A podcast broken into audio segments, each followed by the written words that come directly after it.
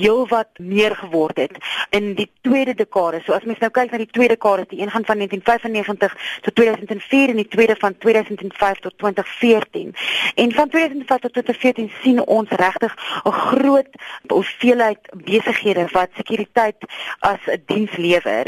Byvoorbeeld in 1997 was daar so 4.500 sekuriteitsfirmas en teen 2016 was daar amper 9000. En as jy dan kyk na hoe die hoeveelheid sekuriteitsbeamptes ook teenoor die hoeveelheid polisiebeamptes, was daar net in 97 omtrent so 115 000 private sekuriteitsbeamptes en 110 000 polisiebeamptes.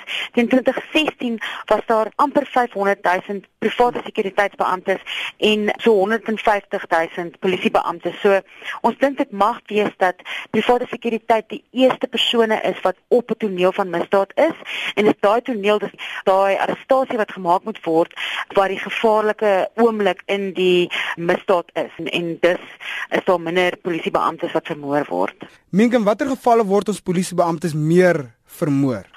Ons het eintlik gesien dat in 2014, 2015 is 46% was dit wanneer hulle gegaan het na 'n misdaad toneel toe. Dis nogals hoog. Dis omtrent amper 50% van die moorde op polisiebeamptes daardie jaar was natuurlik by die misdaad. En ons is bang dat dit dalk 'n aanwyser is vir bietjie swak polisieering, dat hulle dalk nie mooi dink wat hulle doen voor hulle aankom by 'n misdaadtoneel nie. En dan daarna is dit net 'n 14% is 'n uh, random killing en dan ook is daar omtrent 11.4% wat die derde is is wanneer die persoon wat die misdaad gepleeg het, hulle self verset teen arrest. Nou vergelyk ons met ander lande. Is dit gevaarliker vir 'n polisieman of 'n polisievrou om in Suid-Afrika 'n beampte te wees? Ja, so ten spyte van die groot val in polisiemoorde, is Suid-Afrika eintlik nog steeds 'n relatiewe eh, gevaarlike plek om 'n polisieman of vrou te wees. En om dit te vergelyk is om te kyk na byvoorbeeld by die in die Verenigde Koninkryk waar daar minder as 4 moorde per jaar van polisiebeamptes vind plaas. In Duitsland is dit 6, in Frankryk is dit 5. En dan as jy kyk na die Verenigde State eh, wat 'n groot land is en waar mense ook eintlik baie lees oor polisie en nie net moorde op polisie nie, maar moorde wat polisie self uitvoer, maar daar is dit ook 50 polisiemoorde per jaar en dit word internasionaal gesien as eintlik nogals hoog. Maar as mens kyk na Suid-Afrika, is ons nog steeds byvoorbeeld in net verlede jaar is daar 79 polisiebeamptes vermoor in Suid-Afrika. Die jaar voor dit 86 en so dit is nog steeds baie baie hoër as daai ander lande. Maar ek moet sê dat in 1993 is daar 280 polisiebeamptes vermoor in daai jaar en dis baie minder as wat dit toe was, maar dit is nog steeds te hoog. En so sê Minke Steytler van die Instituut van Rasseverhoudings en sy het met Vincent Mofokeng gepraat. Dis nou 8 wel 6:48 so dis byna 10 voor 7.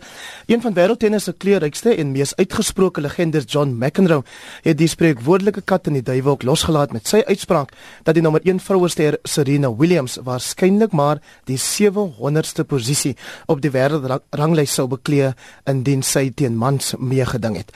Dis waaroor ons nou met die sportkundige Dr Henning Gericke praat. Môre Henning. Môre Hendrik, gaan dit? Dit gaan met ons baie goed, dankie. 'n Ou debat, maar tog altyd interessant. Ja, ehm um, ja, ek dink die manlike ego speel 'n rol. Dit is 'n bietjie ehm um, nogal 'n redelike stelling om te sê as jy hy sou 700 van die wêreld wees, so ek, ek dis debatteerbaar seker. Is daar enige vorm van diskriminasie in die uitspraak deur McEnroe? Ja, ek dink dit is redelik chauvinisties. Jy weet, ehm um, ek ek ek ek dink regtig maar lyk my in die tenniswêreld, ek wil nie hulle uitsonder nie, maar Billie Jean King het in die 1970s of so, ek dink dit was in 73 het het 'n man uh, Bobby Riggs ook uitgedaag en gesê nee en en op die einde het sy hom gewen. Uh, en dit het dit het gebeur, jy weet, so lyk net maar in die wêreld, ek dink dit gaan oor gaan maar oor geld ook, dat vroue dieselfde geld as mans kry en en en, en ek maar ek ek, ek dink dit is uh ja, ja, ek dink dit is dis bietjie on, ontoepaslik. Ek sien dat McEnroe word nou op sosiale media ook as 'n rasis uitgekry met dit dat Serena Williams natuurlik swart is. Ja, ek ek weet nie seker of dit miskien 'n miskien 'n rol speel nie. Ek ek ek glo nie eintlik nie. Ek dink is meer ek dink dit gaan maar meer oor oor kompetisie. Hy is 'n kompeterende mens en, en hy voel die vroue kort miskien nie op Wimbledon nie, jy weet en en ek dink dit is meer daaroor te doen as wat ek dink regtig uh die ander of rassisties is.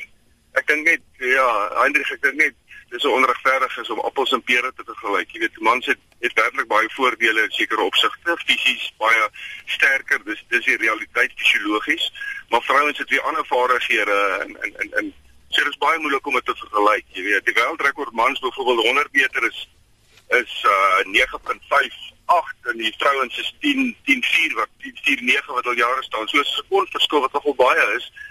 En die, die realiteit is is, is moeilik vir vroue regtig om seker goed teen mans te kompeteer, maar in ander gevalle is vrouens psigies maar net so sterk as mans. Daar's nie 'n twyfel daaroor. Williams het self in 2013 gesê indien sy byvoorbeeld teen die manskampioen en die Murray te staan moet kom sal sy met 6-0 6-0 verloor en dit boonop in iets soos 5 of 6 minute.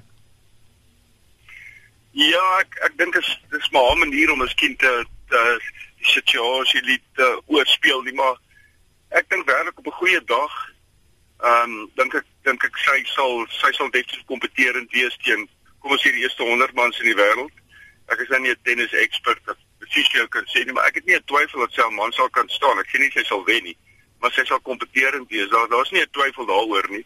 Hulle vaardighede en en soos ek sê, vroue se psigies my baie sterk in terme van uh in terme van uithou vermoë en terme van kalmte onder druk situasies. So ek dink sy sal definitief kompeterend wees. Nie 6-0 6-0 nie. Ek ek glo dit nie.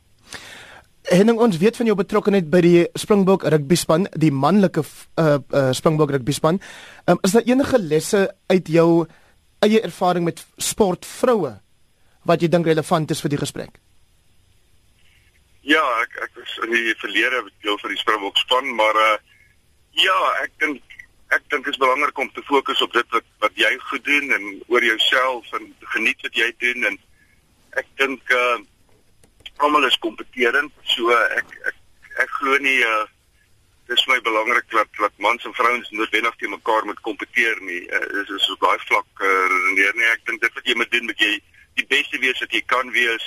Ek dink op hoë vlak moet jy dit geniet. Jy moet vir jouself doelwitte stel en en jy moet leer om psigies baie sterk te wees. Ek dink dis my ongelooflik belangrik en wat ek wat ek eintlik net het gesê het ek het jong kinders afgerig jare terug atletiek en ek het gesien hoe hoe uh hoe psigies jong sterk kan jong meisies ook wees. En, en, en so meisies en seuns is my as jy as jou kop reg is dan kan jy enigiets bereik. Maar die belangrike ding is geniet dit en dit moenie obsessie raak en, en soos wat Mac en Rory kan nou gaan om mans en vrouens te vergelyk ja, ek dink dan dan ruk ons die hele ding uit verband uit en dan is dit nie meer gesond nie Baie baie dankie vir jou tyd vanoggend. Dit was Dr Henning Gericke hy's 'n sportsielkundige